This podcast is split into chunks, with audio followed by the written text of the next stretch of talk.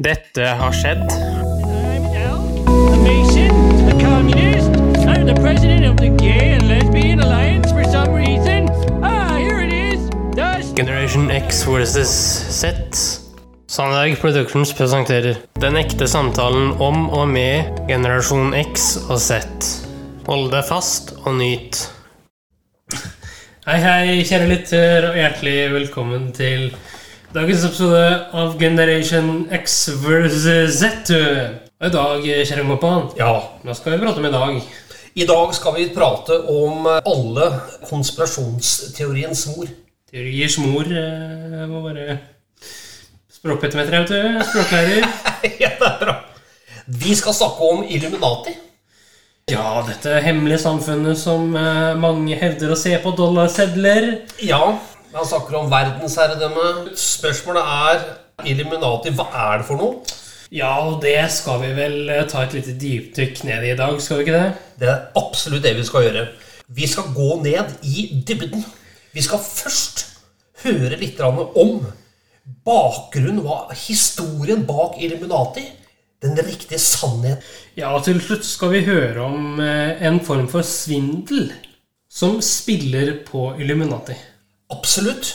Og så skal vi tenke oss hva var det som gjenoppsto fra de døde når det gjelder Illuminati, slik at den har fått den enorme eh, kraften Ja, heller av negativiteten. Hvordan har det gjenoppstått, kan man vel heller si. Hvordan har det gjenoppstått? Ja, eh, og det skal du ha ansvar for. eh, Har du bestemt deg for, Kjell unge? Ja, jeg syns dette er litt moro, jeg, vet du. Ja, det er jo det. Ja, og så skal vi jeg har jo så vidt begynt å grave i materien eh, hva gjelder konspirasjonsteorier, for det fins jo hele tiden her. Det gjør det. Og så har jeg en eh, teori som jeg vil eh, sammen med deg diskutere Ja, og lytterne våre kanskje også. Gjerne med lytterne. Jeg har en jeg tror på at dette er verken fugl eller fisk, men at vi alle er mennesker. Ja? Som man ikke har tatt hensyn til. Ja, ok. Mm, så det er ikke noe hokus pokus. Nei, men vi har jo så vidt begynt å skrape i materien. Det har vi. Jo, Jeg stiller deg spørsmålet først. Jeg. Hva er det som skjer i samfunnet og menneskene rundt samfunnet når ting endres? nei, altså Det fins jo opprørere. Ja, Det fins folk som er for det, det fins folk som er imot det, det fins Yes. folk som ikke kan fordra det. ja. Det fins folk som elsker det. Det er det, liksom. ja og ja. det er hele greia. ja, det er jo grunnlag for det meste, det, da. Det er det. Eh, så Og det er akkurat det vi skal diskutere litt senere. Men først og fremst skal vi få historikken blant Illuminati, og hvordan det hele oppsto, og sannhetsbildet rundt det. Vi kjører klipp. Ja. Du har vel sett det der øyet innesluttet i et triangel? For det fins jo overalt. For eksempel på den amerikanske dollarseddelen. På forsiden ser man et portrett av USAs første president, George Washington. Men på baksiden finner du det voktende øyet i et triangel, omgitt av stråler svevende fritt over en pyramide. Hva slags øye er det egentlig? Hva symboliserer det? Du hører på Sannhet eller konspirasjon, en eksklusiv produksjon fra Podmy. I denne podden dukker jeg ned i kaninhullet og undersøker nye og gamle konspirasjonsteorier. Hvordan har de oppstått? Hvorfor tror så mange på dem? Og hva kan vi egentlig vite? Hva er sant, og hva er usant? Denne og neste episode handler om Illuminati. Yes. They believe they were part of a CIA project called MK Ultra. Jeg har nettopp utført en operasjon på vegne av Night Templar, Europa Dallas, og Norge. The flash apparently undan utan utredning Og män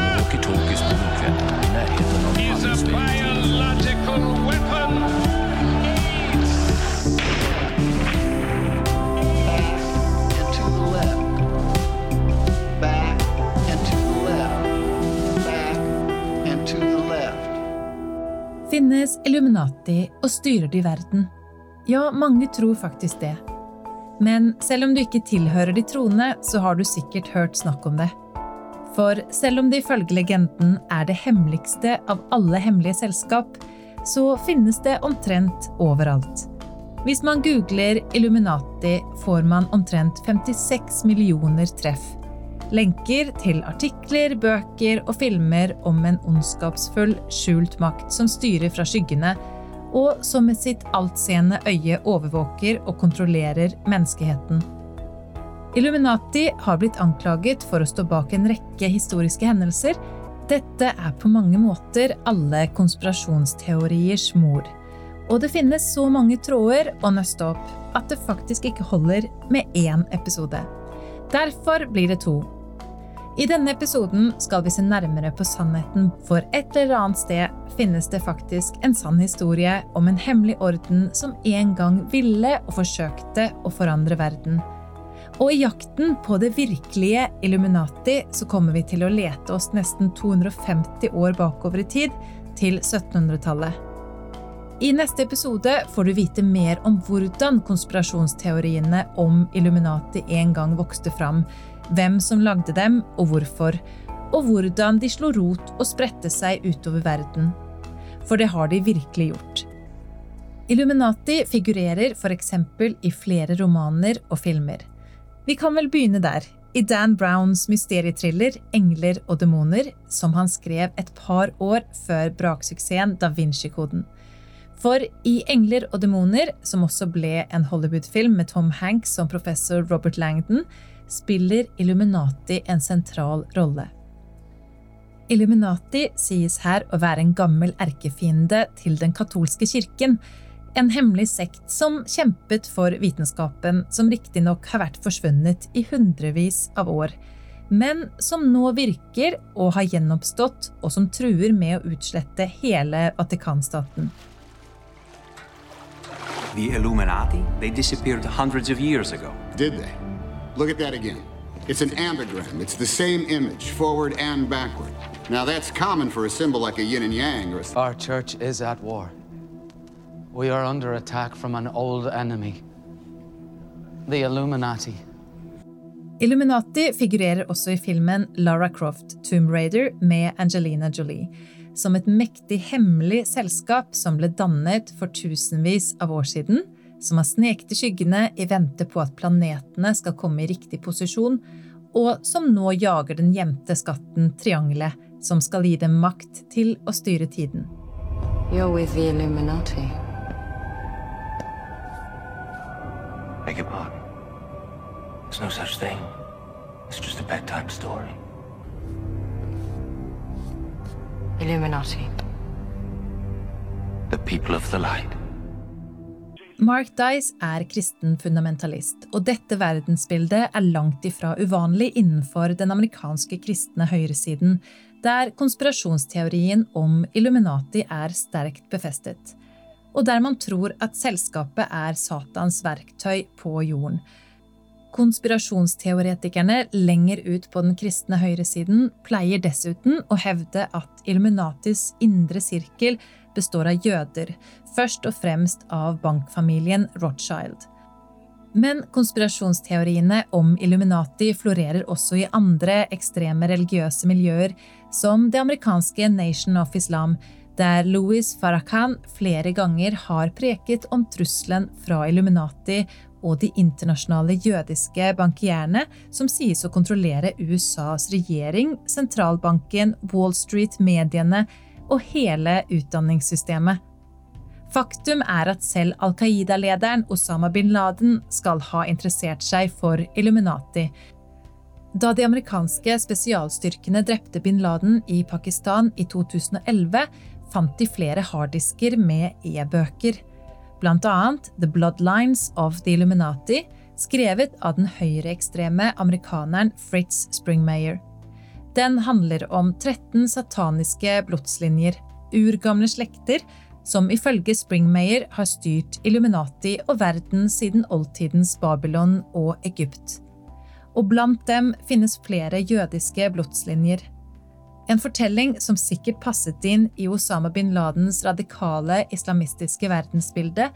Et antisemistisk verdensbilde der jødene påstås å kontrollere USAs regjering og vilje til å utslette islam og alle muslimer.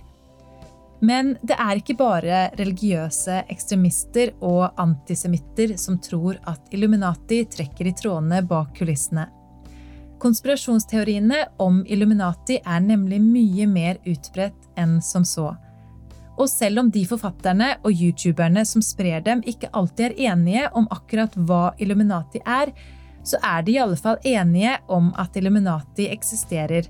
At det er et ondskapsfullt og mektig hemmelig selskap som i det skjulte holder på å føre fram en tyrannisk verdensorden, en New World Order. Ifølge en spørreundersøkelse tror 16% av amerikanerne at Illuminati kontrollerer samfunnet og står bak store historiske hendelser. Og blant yngre amerikanere, og først og fremst blant dem som henger mye på YouTube, er andelen enda høyere. Samtidig ser de fleste etablerte forskere og eksperter på Illuminati som en myte. Og det skiller Illuminati fra f.eks. frimurerordenen. For de eksisterer jo, det tviler ingen på, aller minst de selv. Der strides man i stedet for om hvilken makt og agenda de virkelig har. Med Illuminati er det annerledes. Det fins i og for seg flere grupper som kaller seg Illuminati i dag. Men det handler mest om liksomselskaper som vil sko seg på myten om hvordan man blir framgangsrik gjennom å følge rådene og metodene deres. As the dawn comes to rid your battlefields of darkness, the age of Illuminatium will begin. Fear nothing. We are always watching out for you. To find out more about our organization and your part in the universal design, visit illuminati.am. Ja, man kan lure på hvor mange som har betalt medlemsavgiften. Formodentlig er det ganske bortkastede penger. Men hvem vet? Hvis du har prøvd det ut, kan du gjerne ta kontakt. Uansett har det vist seg å være vanskelig å bevise at musikkindustrien, filmindustrien, økonomien, politikken eller hele verden styres av et hemmelig selskap som Illuminati. Mye taler også for at det er et fantasifoster. At det eneste som finnes, er fortellinger og konspirasjonsteorier. Men samtidig så finnes det faktisk et snev av sannhet i konspirasjonsfortellingene. For selv om det mangler bevis for at Illuminati finnes i dag og kontrollerer planeten, så råder det ingen tvil om at det en gang fantes. Det er ikke lett å skille fantasi fra virkelighet, myte fra fakta. Ofte flyter alt sammen i samme fortellinger. Likevel så går det an å få øye på konturene av det historiske Illuminati, det som ble grunnlagt av en tysk fyr som ville forandre verden, men som aller mest gikk seg bort i de hemmelige selskapenes labyrinter og senere ble tvunget til å flykte for livet. Han het Adam Weishaupt og har blitt beskrevet som magiker, alkymist og djeveldyrker, men også som sosialist, anarkist og til og med fascist. Og selv om en del stemmer bedre enn andre ting, så er det egentlig ingenting av det noe som Weishaupt selv hadde skrevet under på. Så hvem var han da egentlig? Og hva var Illuminati? Ja, det skal vi snart forsøke å finne ut av. Men først skal vi dra tilbake til 1700-tallet. Til den tiden og det samfunnsklimaet som Adam Weishaupt levde i. 1700-tallet er på flere måter en brytningstid. Det gamle føydale og gjennomreligiøse samfunnet, der eneveldige konger, adelsmenn og prester har makten, utfordres av nye grupper og ideer. Kapitalismen tar form, en ny borgerklasse vokser fram, og den naturvitenskapelige revolusjonen utfordrer kirkens verdensbilde, samtidig som filosofer og radikale politiske tenkere som Voltaire, Montesquieu og Rousseau skaper et nytt bilde av samfunnet og mennesket, og av mulighetene til å forandre det som tidligere har blitt sett på som gudegitt og urokkelig. Det pleier å bli kalt opplysningstiden. Det handler om en ambisjon om å lyse opp mørket og nå kunnskap gjennom vitenskap og rasjonell tenkning. Opplysningsfilosofene tror på den uavhengige menneskelige fornuften, at hvert individ har visse selvskrevne rettigheter, og at mennesket kan skape en bedre verden bare gammel overtro og religiøs dogmatisme kastes over bord og erstattes av meningsfrihet og toleranse. Opplysningstiden bar dermed på et løfte om forandring. Det var underforstått at den rådende samfunnsordenen og politiske ordenen i store deler av Europa skulle oppheves, skriver den britiske historikeren Eric Hopsbone. Og mot slutten av århundret, 1789, skal også motsetningen mellom det gamle og det nye kulminere i den franske revolusjonen. Men før vi fordyper oss i Illuminati, så må vi stoppe opp en stund ved fenomenet hemmelige selskap. For det er også en viktig ingrediens i opplysningstiden og dens tids Europa. Når man snakker om ordener og hemmelige selskap, går det ikke an å unnslippe frimurerne. De er selvsagt verdt en egen episode, og det kommer kanskje. Men for å forstå Illuminati så trenger vi i alle fall ha med oss litt om frimurerne allerede her. Frimurerlosjene har sitt utgangspunkt i yrkesselskap for murere og steinhuggere, som bygget Europas slott og katedraler. De var ikke bundet til visse steder som andre håndverkere, men kunne bevege seg fritt. Ifølge mytologien som frimurerne i stor grad selv har dyrket, går frimurerlosjenes røtter tilbake til bibelsk tid og byggingen av Salomons tempel, men trolig oppsto selskapet i middelalderen. På 1600- og 1700-tallet ble i alle fall losjene forandret, og man begynner å slippe inn folk som ikke kan et dugg om hvordan man bygger slott og katedraler, og som i virkeligheten er ganske uinteresserte av håndverket. Derimot blir de opptatt av kodene, ritualene og fellesskapet, og snart har de tatt over. Det er i Storbritannia at frimureriet får sin moderne form. 1717 ble den første storlosjen Grand Lodge grunnlagt i London, men snart sprer fenomenet seg som ild i tørt gress til Frankrike, Tyskland og resten av Europa, til Skandinavia og Norge i 1749. Frimurelosjene fyller åpenbart et behov. De fungerer som sosiale klubber, men også som trygge rom for nytenking. Noe direkte ytringsfrihet og foreningsfrihet finnes ikke på denne tiden, og folk som vil lese bøker og dele ideer som bryter med rådende doktriner, gjør derfor klokt i å holde en lav profil, noe som er en forklaring på at hemmelige selskap kommer på moten. Frimureriet henger på mange måter sammen med det borgerlige samfunnet som nå utfordrer føydalsamfunnet. I losjene samles i og for seg en del grever, baroner og hertuger, men framfor alt en oppadstigende middelklasse, og innenfor den spres og diskuteres nye opplysningsidealer som toleranse og framskritt. Det fantes også en ambisjon om å leve som man lærer. Hvilken stand man tilhører, skal ikke avgjøre hvilken posisjon man har i losjene. Hvem som helst skal kunne stige i gradene, man holder på med selvutvikling og filantropi, og man tenker at det er mulig å bygge et bedre samfunn stein for stein. Nå er det selvsagt ikke alle som slipper inn. Det finnes noen frimurelosjer for kvinner, men de aller fleste er herreklubber. Og man må være en redelig innbygger, hvilket som regel innebærer at man må ha et godt yrke og være velbeslått. Samtidig finnes det en eim av mystikk rundt frimurerne. En mystikk som delvis er selvforskyldt. Det er veldig mye hemmelighetskremmeri, og man egner seg til initiatonsriter, okkulte symboler og tallmystikk. Alt dette føder fantasier og spekulasjoner blant mange uinnvidde, og frimurerne forekommer snart i alt fra gatesladder til operaer. Eksempel er Mozarts opera 'Tryllefløyten' sterkt inspirert av frimurerritualer.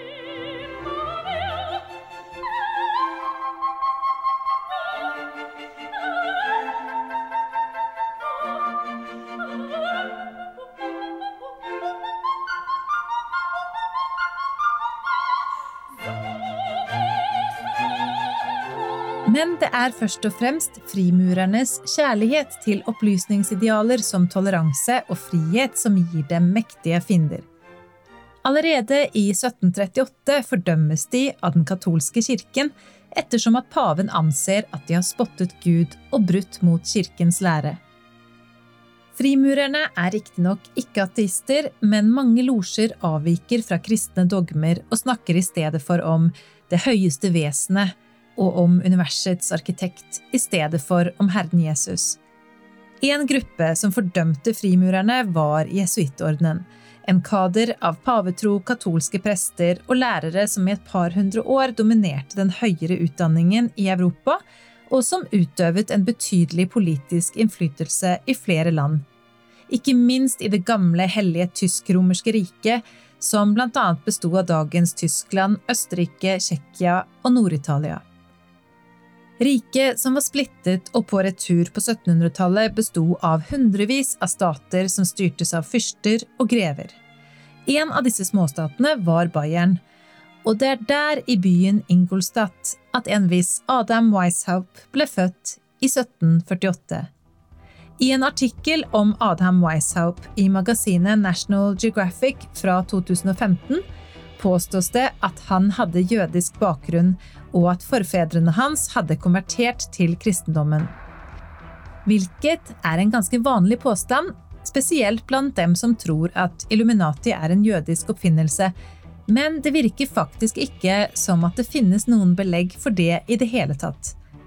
De som har forsket på Weishaupts slektstre, finner bare katolikker, så langt bakover som det går an å komme. Uansett så dør Adam Weishaps far i 1753, når Adam bare er fem år. Han adopteres da av gudfaren sin, baron von Ickstadt, som er professor og rektor ved universitetet i Ingolstadt.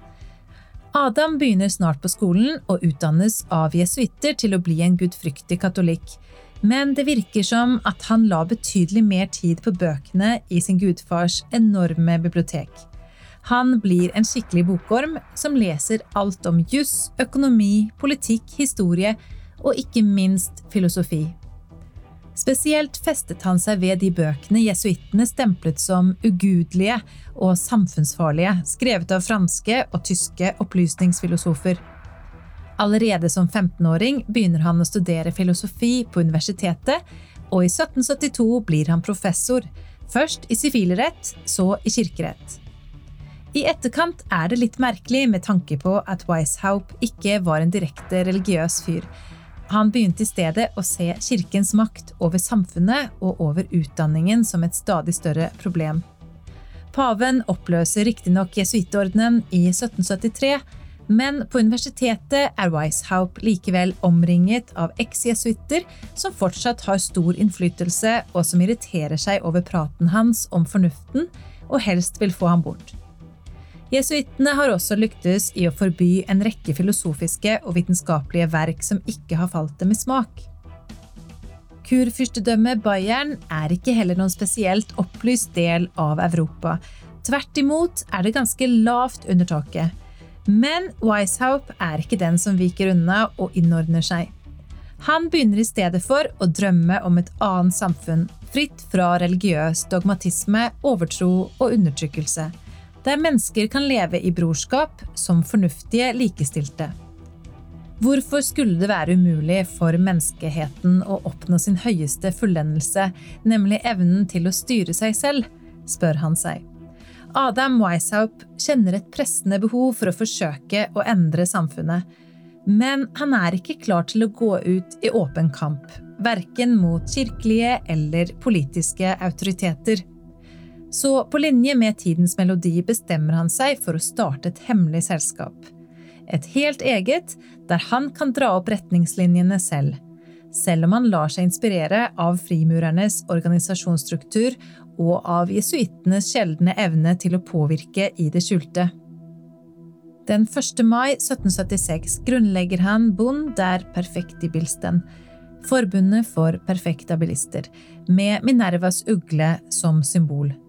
Navnet kommer av formålet å lage et perfekt samfunn gjennom opplysning.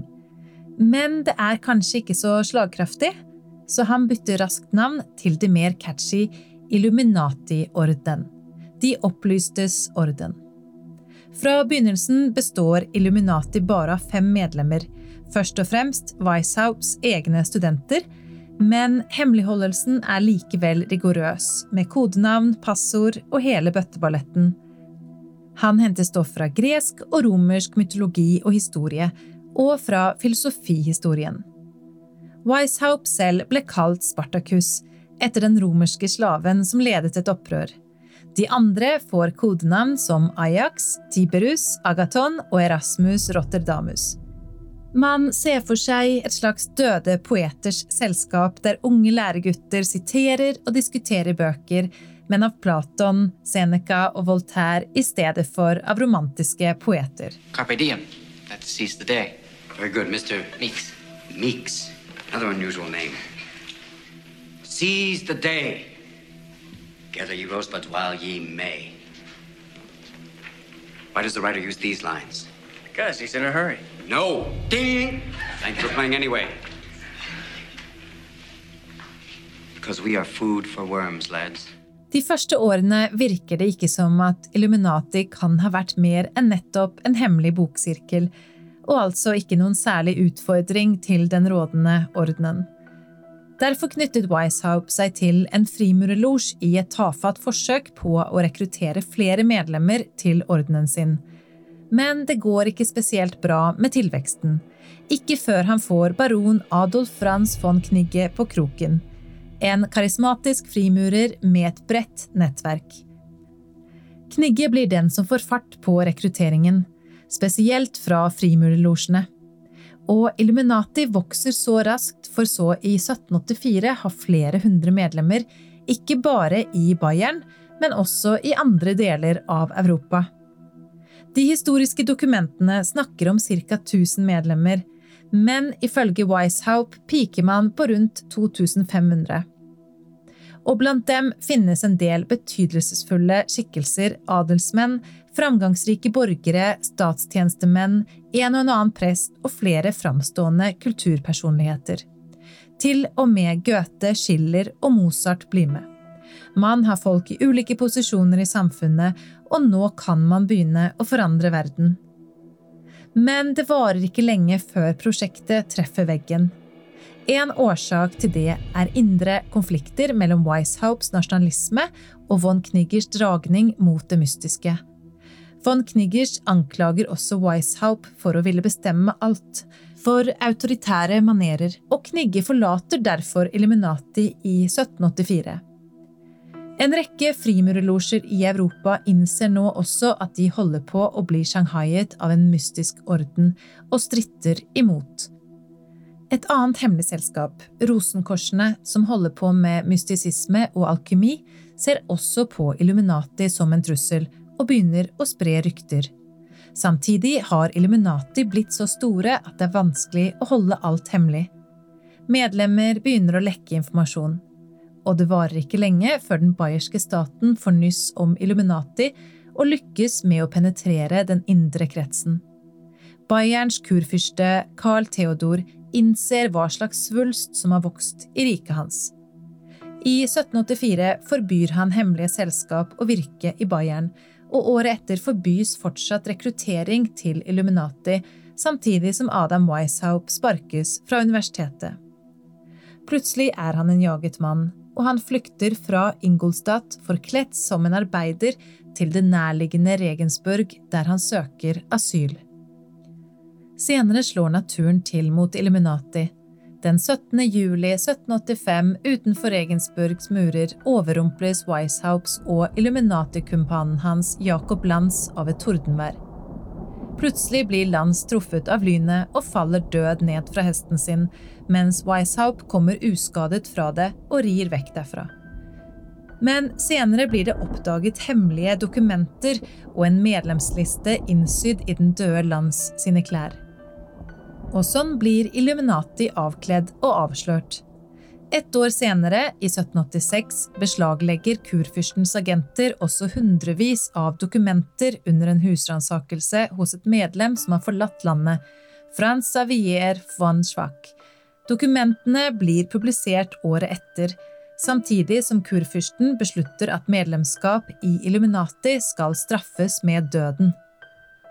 Anklagepunktene er høyforræderi, oppvigleri og diverse andre grusomheter. Noe Adam Weishaupt synes er helt absurd. Han har fått asyl i Göttingen og skriver forsvarstaler derfra der han bedyrer at Illuminati aldri ville noe vondt, at man bare ville skape et friere, mer opplyst Bayern. Men til ingen nytte. Selskapet er oppløst, medlemmene spredt for vinden, og Weishaupt han lever i fortsettelsen et beskjedent liv som professor ved universitetet i Göttingen fram til sin død i 1830. Og med det er historien om Illuminati slutt. Eller? Ja, i alle fall den dokumenterte, kjente historien. Men ganske snart begynner andre historier å spre seg i Europa og i USA om at Illuminati bare har gått under jorden. At de fortsatt finnes i skyggene og truer sivilisasjonen. Illuminati gjenoppstår fra de døde som en legende om et hemmelig selskap som vil ta over verden og la sitt altseende øye kontrollere menneskeheten. Men hvordan var det med det der øyet? Omsluttet av et triangel. Brukte Weishaupts Illuminati noensinne det symbolet? Nei, det virker faktisk ikke sånn. Det man benyttet seg av, var en ugle, symbolet for visdom, og noen andre symboler. Men intet øye. Hva kommer det av, da? At det der øyet brukes som symbol for Illuminati? Ja, det og fortellingen om hvordan Illuminati ble forvandlet fra en døgnflue til en evig allmektig ondskap, til alle konspirasjoners mor, det får du vite i neste episode.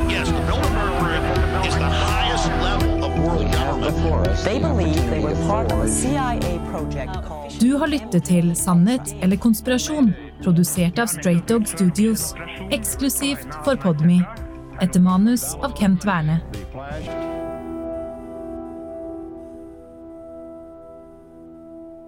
Ja, Henrik. Ja da. Dette er historikken også. Her er den, den dokumenterte historikken også. Ja da, det er dokumentert historie, og man skal ikke kimse av det. Nei, det, man skal den ikke kimse av i det hele tatt. Men for meg så hørtes det at dette her var i utgangspunktet en kamp mellom eh, si, kirke og vitenskap. Så her eh, er det makt som er, syns jeg nå da, er det avgjørende. Men det vi skal gjøre nå, Henrik, vi skal høre klipp der det med Illuminati blir gjenopplivet. Ja, og det er da andre del, er det Det ikke er det? andre del vi nå skal høre, hvor man tar for seg i utgangspunktet hva er det som egentlig har skjedd, som har medført. Ja. At det har bare blussa opp det med Illuminati, slik at det har fått den skal vi kalle det en sånn stjernemarkering på konspirasjoner. Eller? Ja, og så er det en kontroversiell ting da, som også gir det løfter det opp. Ja, og hva skyldes det? Det er det vi skal høre nå, Henrik. Riktig. Skal vi kjøre på, eller? Gjerne. Gjerne. Så folkens, lytt. Dette er historisk, altså. Og ikke minst, nyt det. Paris den 14. juli 1789. Frankrikes hovedstad koker av misnøye. Mot økende brødpriser, arbeidsløshet og urettferdige skatter. Mot kongens despotisme og adelens privilegier. Mot de rikes overflod og sin egen sult.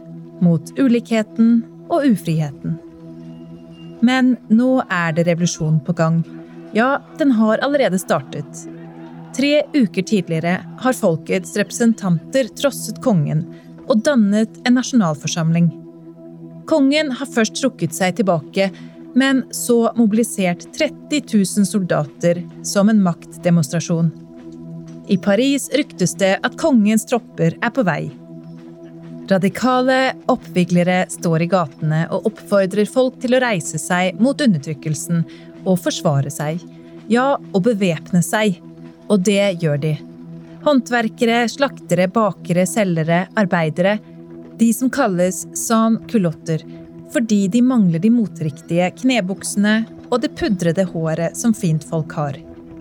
Tidlig på morgenen den 14. juli stormer de inn i et militærsykehus og robber med seg 3000 geværer. Men de vil ha mer, og de tar sikte på det kongelige fortet Bastillen, der det fins våpen, ammunisjon og kanoner. Bastillen er også noe annet. Det er et gammelt fengsel der utallige regimekritikere har sittet innesperret gjennom årene. Det er et symbol for det gamle regimets makt. For det eneveldet som mange nå har fått nok av.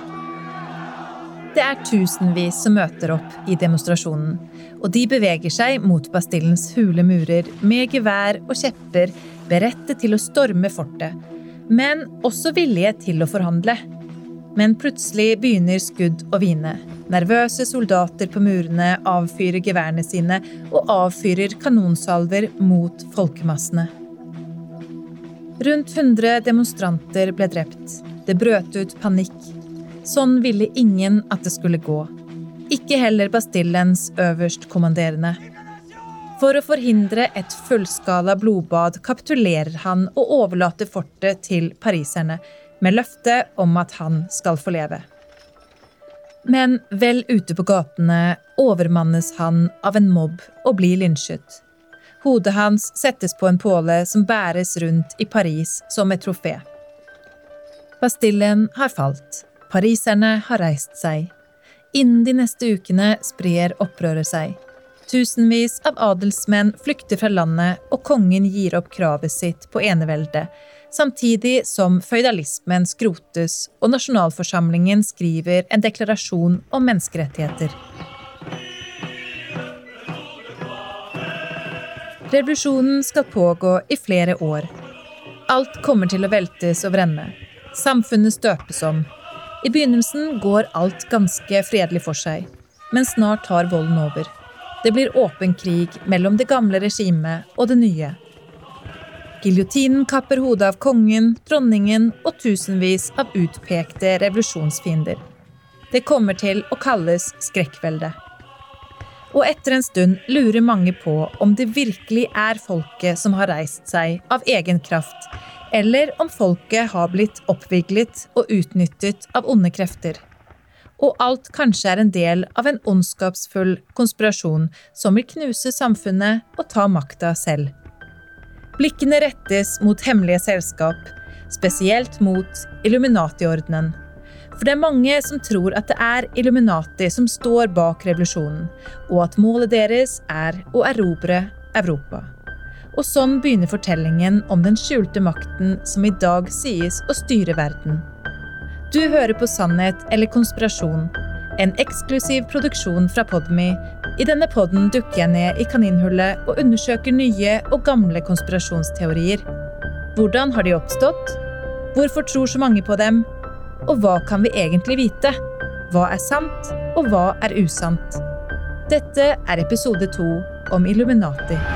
Yes, the Bilderberg Group is the highest level. They believe they were part of a CIA project called MK Ultra.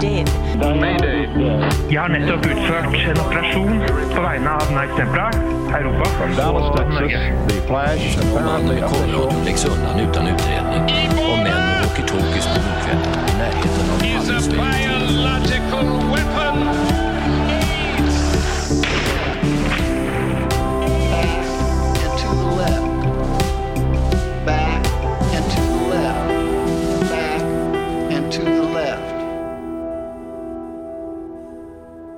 Forrige episode handlet om Illuminati, om et hemmelig selskap som ifølge legenden vil ta over verden. Eller som allerede kontrollerer alt. Politikere, banker, medier, filmindustrien og musikkindustrien. Ja, om de kjendisene og artistene som har blitt pekt ut som Illuminatis villige tjenere. Som Jay-Z, Beyoncé og Madonna. Men vi dukket også ned i fortiden, i jakten på sannheten bak myten. Den virkelige Illuminati-ordenen, som ble grunnlagt av opplysningsmannen Adam Weishaupt i 1776, som talte hundrevis av medlemmer i noen år, men som ble avslørt og oppløst midt på 1780-tallet, og som forsvant fra historien. Eller gjorde de virkelig det? Kanskje var det sånn at de bare gikk under jorda, gjemte seg i skyggene og bestemte seg for å ta over verden. Og kanskje var Illuminati en mye eldre og mørkere kraft enn den offisielle historien forteller. Ja, denne episoden handler om hvordan legenden om Illuminati vokser fram og blir spredt. Det begynner med en fransk jesuit. Han heter Augustin Baruel. Han fødes i Villeneuve du Berg i sydlige Frankrike i 1741 syv år før Illuminatis grunnlegger Adam Weishaupt fødes i Bayern. De møter aldri hverandre. Likevel kommer skjebnene og bidragene deres til historien til å flette sammen. Én ting har de i alle fall til felles. Begge skoleres av jesuitter. Men til forskjell fra Weishaupt, som snur ryggen til den katolske kirken og blir opptatt av opplysningstidsfilosofien, så blir Baruel en hengiven katolikk ja, en jesuittprest, en glødende opplysningsmotstander. I sitt første betydningsfulle verk, som får tittelen Le Helviens, går Baruel til angrep på filosofiens oppskøende moral. Og jo mer opplysningsånden sprer seg i Europa, desto mer gløder Baruels penn. Han skriver flere bøker, men også artikler.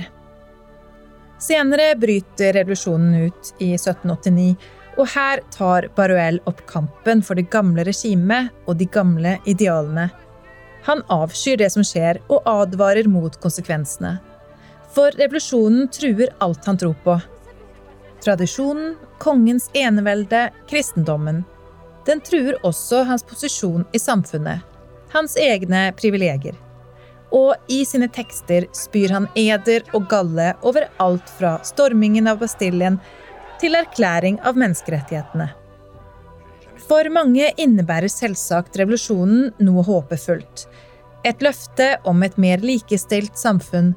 Men for Baruel og hans likemenn er revolusjonen skremmende. Alt som var, finnes ikke lenger. Alt er kastet om kull, skriver han et par år etter revolusjonens utbrudd og det blir selvsagt enda verre da volden eskalerer, da kongen blir henrettet, og da tusenvis av revolusjonsmotstandere mister hodene sine i giljotinen. Baruel tilhører de som får beholde hodet.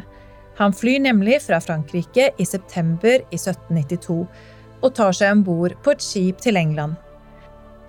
Siden lever han i eksil i London i et tiår og følger alt som skjer i hjemlandet med stadig større vemmelse og skrekk. Samtidig hjemsøkes han av et behov for å forstå hva som har rammet Frankrike, av å få orden på kaoset og forsøke forklare for verden hva som egentlig har hendt. Og det er i London han begynner å skrive på bidraget sitt til historien, en bok som faktisk kommer til å gjøre ham verdensberømt, og som skal påvirke politiske tenkere og statsmenn. Ja, en bok som skal sette tonen for mer enn to århundrer med konspirasjonsteorier. Baruels bok gis ut i 1797 og 1798 på fransk og engelsk. Innen et par år blir flere opplag trykket. Den oversettes til flere språk og kommer også ut på svensk i 1811 med tittelen 'Sammendrag av handlinger til jakobinismens historie'.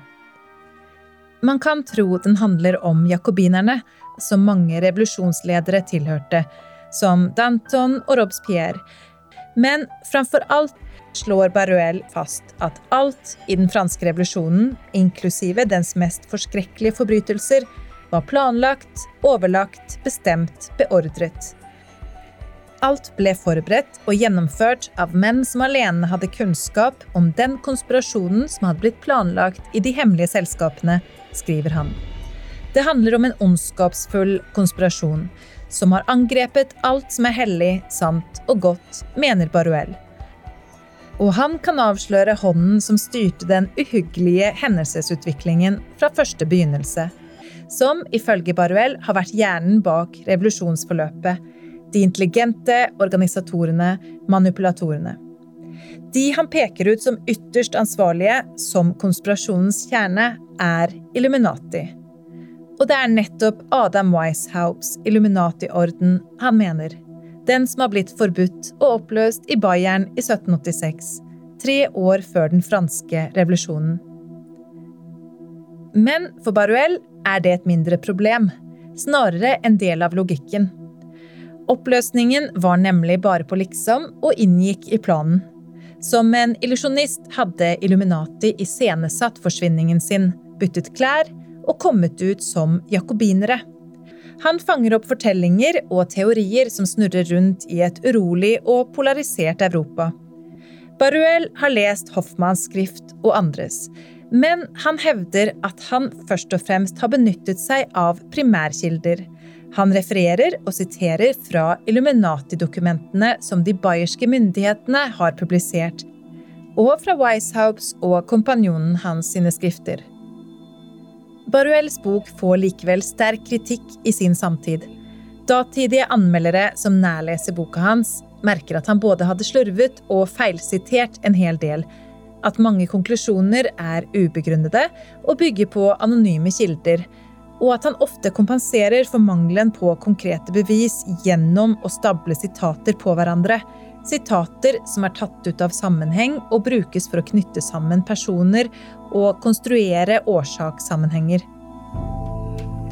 Men det er også mange som svelger Baruels teorier om frimurerne og Illuminati, som får spørsmålene sine besvart og bevis for det de hele tiden har mistenkt, nemlig at revolusjonen er en konspirasjon planlagt av en ondskapsfull gruppe som har oppbildet folket. Dessuten får Baruels teorier bensin på bålet av en skotsk fysiker og matematiker, John Robinson, som i boken Proof of a Conspiracy fører fram omtrent samme tese som Baruel, nemlig at filosofene, frimurerne og først og fremst Illuminati har formet en stor konspirasjon for å utrydde all etablert religion og styrte alle eksisterende regjeringer i Europa og akkurat som Baruel hevder han å ha overbevisende bevis. Han har samlet sammen tyske dokumenter, fått informasjon av hemmelige agenter og kommet til sine konklusjoner. Robinsons bok blir gitt ut i 1797, nesten samtidig som Baruels bok. Et faktum som synes å ha forbløffet begge to. Uten å vite om det, skriver Baruel i andre opplaget av boka si, har vi kjempet for samme sak med samme våpen og strevd mot samme mål. Og flaks er vel det, tenker han, for i kampen mot Illuminati behøves alle krefter. For det kommer til å bli en lang kamp mot en mektig fiende som ruver overalt. Faren er gitt, den er kontinuerlig, den er forferdelig, og den truer hver og en av dere, skriver han oppfordrende i boka si. For de kommende tiårene skal Illuminati jages intensivt. For Baruels og Robinsons konspirasjonsteori om Illuminati spres i Europa, helt inn i maktens korridorer. Spesielt etter Napoleons fall i 1815, da keisere, tsarer og politikere som ville gjenopprette den gamle orden, ble helt besatte av Illuminati. Man var urolige for opprør og revolusjoner, og i skyggene ante man hemmelige selskap som konspirerte. Man lot også sikkerhetspolitiet søke med lys og lykte etter virkelige konspiratører, og iblant fant man faktisk opprørsmakere som planla noe, men ingenting tyder på at det finnes noe Illuminati eller noen annen omfattende konspirasjon i Europa på 1800-tallet. Men i USA, da? Fantes Illuminati der? Ja, det er mange som uroer seg for det på slutten av 1700-tallet. Baruels og Robinsons bøker kommer seg også over Atlanteren og skaper panikk i de selvstendige Forente statene. Det er det nygamle etablissementet, prester og formuende som faller for bøkene og begynner å tro på at Illuminati også truer USA. De som kaller seg føderalister, anklager f.eks. Thomas Jefferson for å være en illuminat. Men panikken avtar, og konspirasjonsteoriene begynner å handle om andre ting. F.eks. begynner mange å uroe seg over en jødisk verdenskonspirasjon.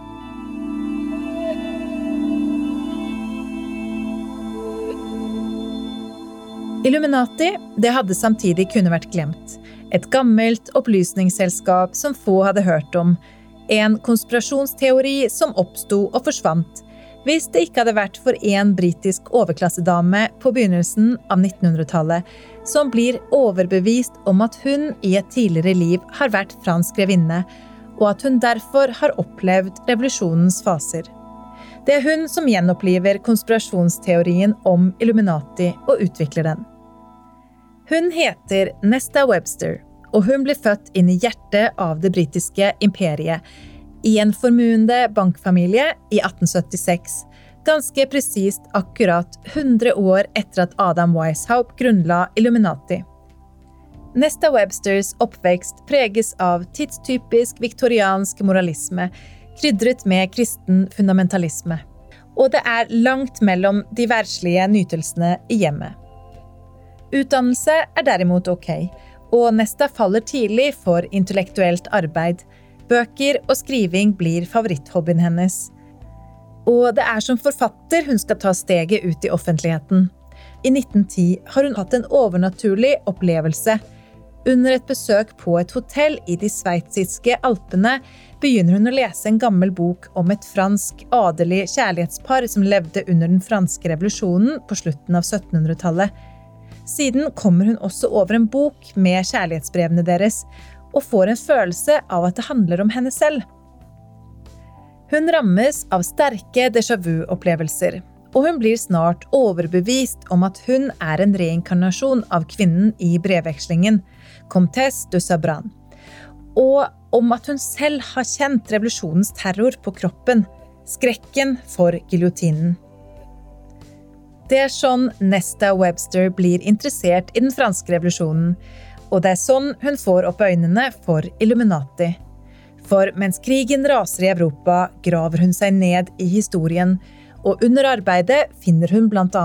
Augustin Baruels og John Robinsons gamle bøker om Illuminati og frimurerne. Hun sluker dem, fyller på med andre kilder, og hun blir overbevist om at hun har funnet en skjult sannhet. Hun skriver en bok som gis ut i slutten av 1919 og får tittelen The French Revolution – A Study in Democracy. Nei, det var ikke folket som knuste den gamle ordenen. Det var ikke massenes lengsel etter demokrati som drev fram en republikk. Ifølge Webster spilte folket en passiv rolle i revolusjonen. Hun identifiserte helt andre ytre årsaker, mørke krefter i ulike forkledninger som oppildret massene.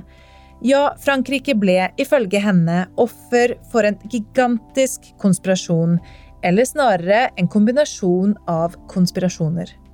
Sporene leder til de tyske okkulte frimurlosjene, og framfor alt til Adam Weishaupts Illuminati, som ifølge Webster strevde etter å føre Frankrike og resten av verden mot totalt anarki. Disse kreftene ble forent i jakobinklubbene, der alt fra brødmangel til terror ble planlagt i detalj. Webster ser altså ikke bort fra de dårlige økonomiske forholdene som la veien for revolusjonen, men mener at konspiratørene bevisst hadde framkalt dem.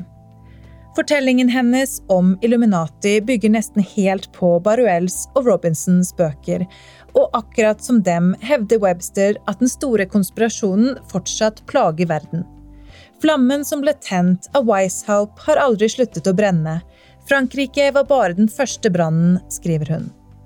For man trenger bare studere de siste 130 årenes revolusjonære bevegelser for å innse at Illuminatis planer har blitt videreført av de hemmelige selskapene og etterfølgende grupper av revolusjonære sosialister, og at planen for verdensrevolusjonen, som ble smidd av Weishaupt, til slutt har blitt realisert, skriver hun i boka.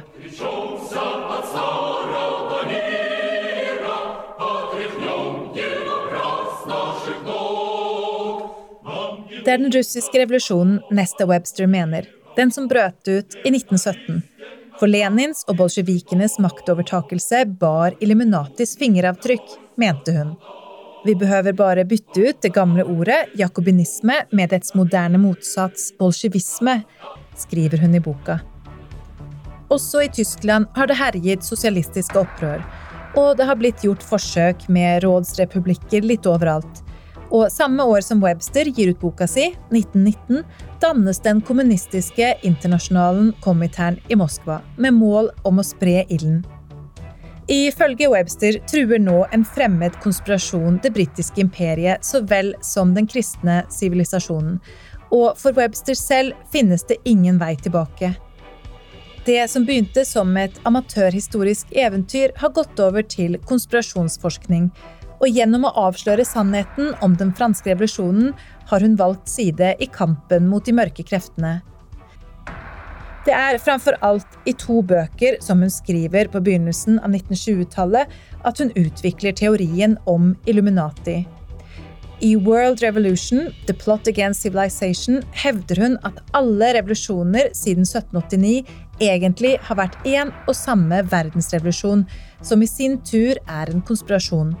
For bak alle sosialister, kommunister og anarkister finnes hånden som drar i trådene, mener hun nemlig hemmelige selskap, frimurere og Illuminati. Framfor alt Illuminati. For Illuminatiene har en enorm kapasitet til å manipulere. I boka trenger Webster også dypere ned i historien og leter etter Illuminatis opprinnelse. Hun finner ikke bare røtter hos frimurerne, men også i korstogenes tempelridderorden og i den antikke verdens mystisisme spesielt i jødisk kabbala, som ifølge Webster er grunnlaget for de okkulte vitenskapene og den formodentlige kilden til den århundrelange konspirasjonens ondskap. Her kommer altså jødene inn i bildet, eller snarere i Websters konspirasjonsteori. Allerede i boka World Revolution hevder hun at Adam Weishaupt lot seg påvirke av Cagliostro, en jøde fra Sicilia. Hun påstår også at Illuminatis hovedkvarter flytter til Frankfurt am Main i 1782, en by som tilfeldigvis var et sentrum for jødisk storfinans, kontrollert av rasens ledende medlemmer som Rothschild, som hun uttrykker det. Ja, kanskje er jødene til og med det moderne Illuminati, og det største problemet som den moderne verden har blitt konfrontert med, spekulerer hun. Det er hun ikke alene om i datidens Europa, så blomstrer antisemittismen etter første verdenskrig. Det spres myter og forfalskninger, og det påstås at en jødisk verdenskonspirasjon står bak det meste. Ikke bare finansmarkedet, men også revolusjonene. Man snakker om jødebolsjevismen, og Websters tankebaner faller i begynnelsen i ganske god jord. Hun får holde foredrag for britiske Secret Service. Bøkene hennes blir lest av den britiske konservative høyresiden. Ja, faktum er at den framtidige statsministeren Winston Churchill pløyer Websters bøker om Illuminati og konspirerende jøder, og ser ut til å like det han leser. Han berømmer Mrs. Webster for hennes utmerkede bok om verdensrevolusjonen, for at hun har vist veien gjennom historiens labyrint. Nå havner likevel Churchill og Webster på ulike sider av en konflikt som snart river Europa i biter. Churchill kommer til å lede kampen mot nazistene og Hitler, og Nesta Webster hun blir fascist. En ledende aktør i det britiske fascistpartiet og Hitler-tilhenger. Og etter andre verdenskrig er hun en taper. Meningene hennes er omtrent like ute som Hitlerjugend. I det minste i et par tiår. Men det er likevel Nesta Webster som er linken mellom 1700-tallets teorier om Illuminati og vår tids teorier. For selv om konspirasjonsteoriene om Illuminati og først og fremst om jøder forsvinner fra den offentlige debatten i Europa etter andre verdenskrig, så overlever de likevel i Nord-Amerika. Mye takket være hodet til den pensjonerte canadiske marineoffiseren William Guy Kerr i 1955 gir han ut to bøker, Red Fog Over America og Pawns in the Game. Den siste, som tydeligvis selges i en halv million eksemplarer, er i prinsippet en oppgradert variant av Nesta Websters forfatterskap, krydret med antisemittisme og religiøse resonnement om Satan eller Lucifer, som Guy Kerr heller snakker om. Og i senere bøker og prekener kommer andre kristne fundamentalister til å fortsette dette sporet, spesielt fra 1970-tallet og framover, når akopalyptiske fortellinger om tidens slutt, jordens undergang, Antichrist og Jesu tilbakekomst nærmest blir hverdagskost i USA. Da blir også Illuminati hverdagskost for millioner av kristenkonservative amerikanere. Og muligens finnes beviset for dette midt framfor øynene til alle amerikanere. På baksiden av dollarseddelen i det føderale seilet. Der ser man jo et strålende øye i et triangel, som svever ovenfor en pyramide. For ifølge filmen så er dette Illuminatis altseende øye. Og kan det virkelig være en tilfeldighet at det havnet der, og at året for USAs selvstendighetserklæring finner sted samme år som Illuminati grunnlegges? Nei, det er kanskje ikke en tilfeldighet.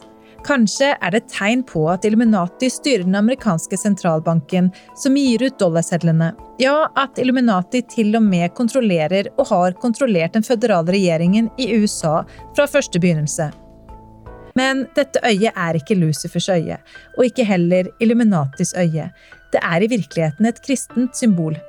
Det pleier å kalles The Eye of Providence, hvilket er Guds altseende øye som vokter over menneskeheten og ordner alt til det bedre.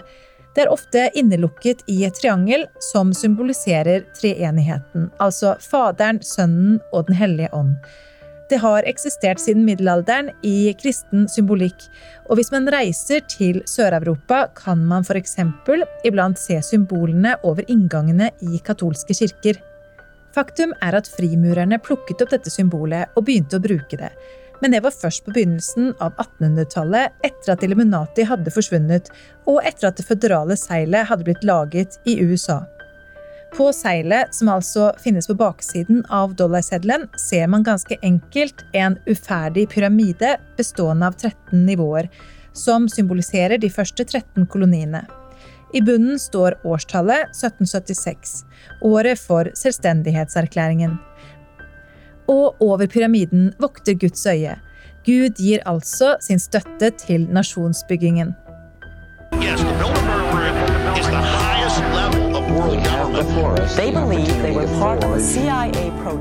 Du har lyttet til Sannhet eller konspirasjon, produsert av Straight Dog Studios. Eksklusivt for Podme. Ja da, ja da. Hva tenker du nå, Henrik? Nei, altså jeg har jo et eh, forhold til Illuminati som de fleste andre. Ja. Eh, Jeg har et forhold til dem der jeg vet litt, og lar meg fascinere. Ja, du gjør det. Eh, Jeg vet jo de grunnleggende, liksom. Ja. Men ikke noe særlig mer enn det. Det gjør jeg ikke. Nei. Du, var fascinert av det? Ja, eh, jeg lar meg fascinere av det. Hva er det du lar deg bli fascinert av? Nei, også litt som uh, frimurlosjen, da. Det er hemmeligheten rundt det, liksom. Og Mm. det er jo hakket mer hemmelig enn frimurlosjen, uh, riktignok. Men likevel, altså. Jeg lar meg fascinere av uh, det faktum at eh, det er så hemmelig, og at de klarer og har klart å holde informasjonen tilbake såpass lenge. Så det er det at det er hemmelig? Ja, riktig. Ja, ja det kan være enig i. Og mystikken rundt det, liksom. Ja, men, men vet, vet- vet du hva jeg tenker? Nei. Jeg tenker at uh, Illuminati og konspirasjonsteorier og alt det greiene der, det er noe forbanna sprengt. Ja, også konspirasjonsteorier i seg sjøl kan man jo si at det er sjøsprøyt. Ja. Men Illuminati som sådan, altså det er I utgangspunktet så var det det en form for en kamp. Ja, det var en sånn eh, Det var et opprør, da. Ja, Opprør av endringer i samfunnet. Ja, ikke sant? Det var jo et opprør mot det konservative og jesuittordenen. Ja. Og da er det mitt spørsmål hva er det som skjer egentlig i et samfunn når ting endrer seg? Nei, øh, jeg tenker vel at øh, mye av det som skjer, det er jo at øh, noen er imot. Ja. Noen elsker, noen hater, noen er for. Riktig. Det er det som egentlig skjer. Da går vi tilbake til ikke eh, Illuminati, Nei. men eh, hvordan mennesket er som menneske. Ja, og litt hvordan samfunnet også er bygd. For samfunnet Ja. er også bygd sånn. Men hvis du ser på mennesket, Henrik, så er det bygget opp på mange ting. Det er bygget opp på hva er makt. Ja, ikke sant? Eh, status, ofte. Ja. Egoisme. Ja. Og så skjer det over en gruppedynamikk når mennesker er sammen om noe. Ja, og heretter da maktsyke skjer også. Det kan også skje. Og så er det noen som taper, og så er det noen som vinner. Akkurat. Når man da er ferdig med den såkalte kampen, iallfall denne har slunka seg litt, så ønsker man å finne noen forklaringer på hva er det som virkelig har skjedd. Ja, det er jo her konspirasjonsseriene kommer inn i bildet. Ja, Men det man ofte gjør da, jo, vi må finne hvem som har skyld. Altså, Ja, ikke sant? Skyldspørsmålet. Altså, hvem er syndebukken? Det å legge ut skyld, det er jo ofte Disse konspirasjonsteoretikerne er jo veldig glad i å gjøre det. Ja. De legger ut skyld, og så har de ofte et veldig tynt grunnlag for å legge ut skyld. Jeg tror, jeg tror det er egentlig hele greia. Altså, ja, det er jo mye av det, i hvert fall om Mm. ikke hele greia. Og så lager man noen hemmelig mystikk ut av det, og så har man plutselig fått Illuminati. Ja, men det er jo grunnlag for veldig mye, det her, da. Eh, Ikke bare. Illuminati, men også konspirasjonsteorier generelt er jo grunnlag for veldig mye. Ja. Jeg gleder meg så veldig til å høre hva våre lyttere har å si om dette vi lager nå. Om dette her er hold i hell eller ikke. Ja. Gi oss gjerne en tilbakemelding på det, kjære lytter. Ja. På en melding kan du skrive 'Generation X versus Z' på Facebook. Eh, Det har vi også som eh, tag på Facebook. Eller så kan du skrive en mail til Generation X versus Z i ett ord og med små bokstaver at søndagproductions.com. Ja. Men vi skal over til eh,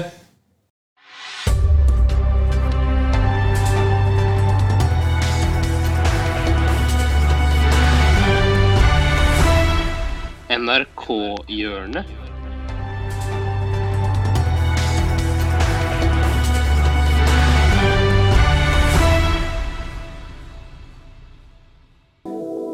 I dag, kjære lytter, så skal vi til et eh, lite brukt sjekketriks som burde blitt mer brukt i NRK-hjørnet. Vi skal til Henrik Overå Bjørnson, Latter Live.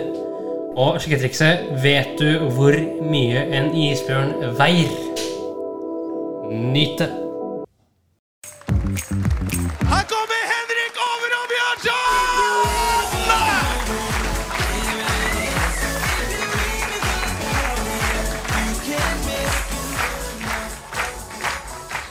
En fin gjeng, da. Hæ? Veldig, veldig fint. altså. Jeg har, det, jeg har det generelt veldig fint om dagen. Jeg har det. Jeg har jo da fått meg min første kjæreste i en alder av 25, og da, stem, altså, da betyr jo det at eh, 24 av dem har jo vært gode single år i denne krøppen her. Vandrende rundt for å prøve å si hei på en lørdagskveld. Eh, det har ikke alltid vært like enkelt. Jeg har ikke det, altså. Men på tampen av min single karriere, om vi kan være såpass frimodige og kalle det for det, eh, så, så knakk jeg faktisk koden.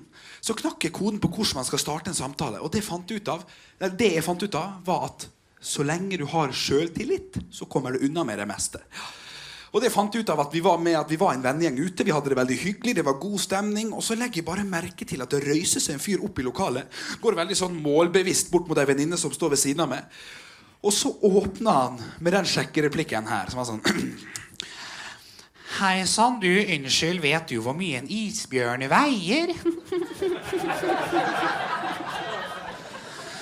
Og hun svarte på spørsmålet. Hun svarte nei. Nok til å bryte isen, hei sann, Håvard.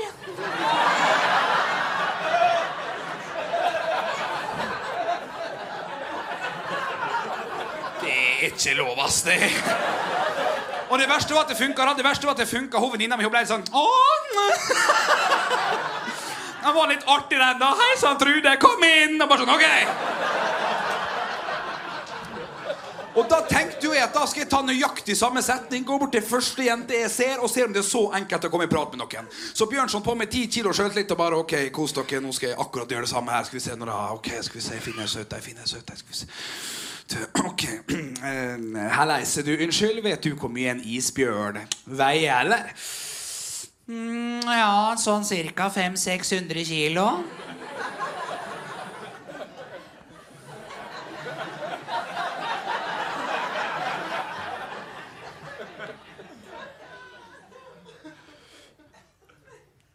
Da noterer jeg meg det. Sier takk for hjelpa. Var bare det jeg lurte på. Så det var kjempereit. Tusen hjertelig takk.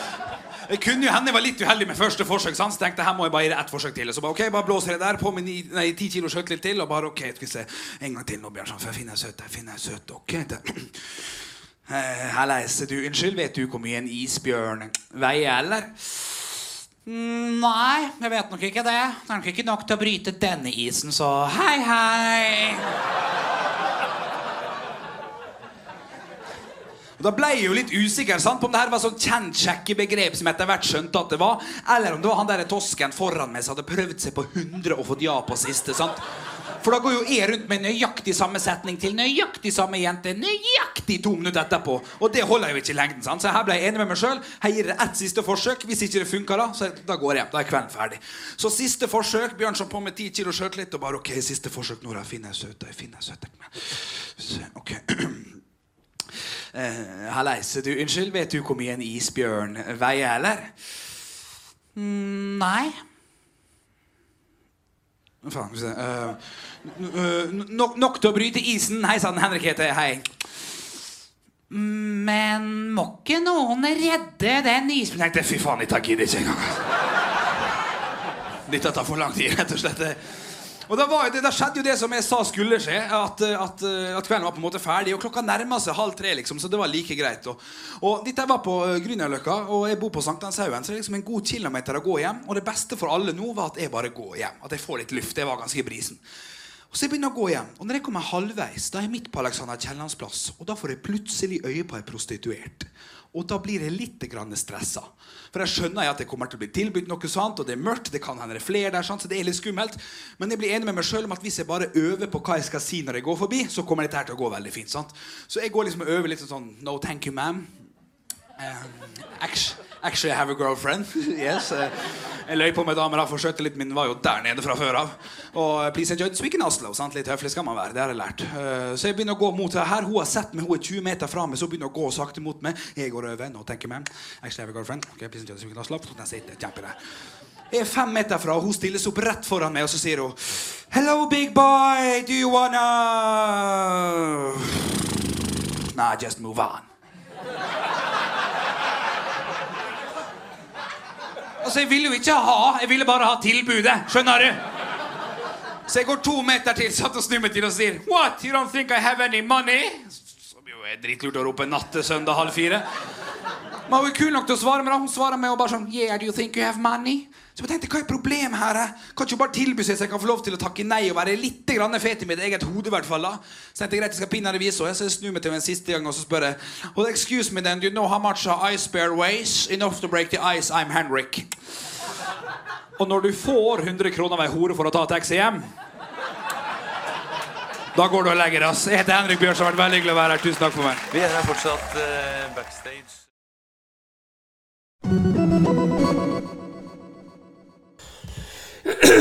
Ja, ja, Henrik. Nå, dette her har vært en lang, eh, lang pod, eller? Ja da, og jeg håper at eh, de kommentarfeltene, meldingsinnboksen og mailinnboksen koker Ja, vi av lidenskap her nå. Ja da. Så til neste gang, folkens. Vi ses om en uke. Og til deg, kjære sønn. Det har vært en fornøyelse å ha podsa med deg. Bare takk for det. Jo, hei. Hei. Tusen takk for at du fulgte oss. Eh, Gi gjerne tilbakemelding, likes eller kommentar på Facebook-siden vår Generation X versus Z. Velkommen igjen til neste podkastepisode. Hei då!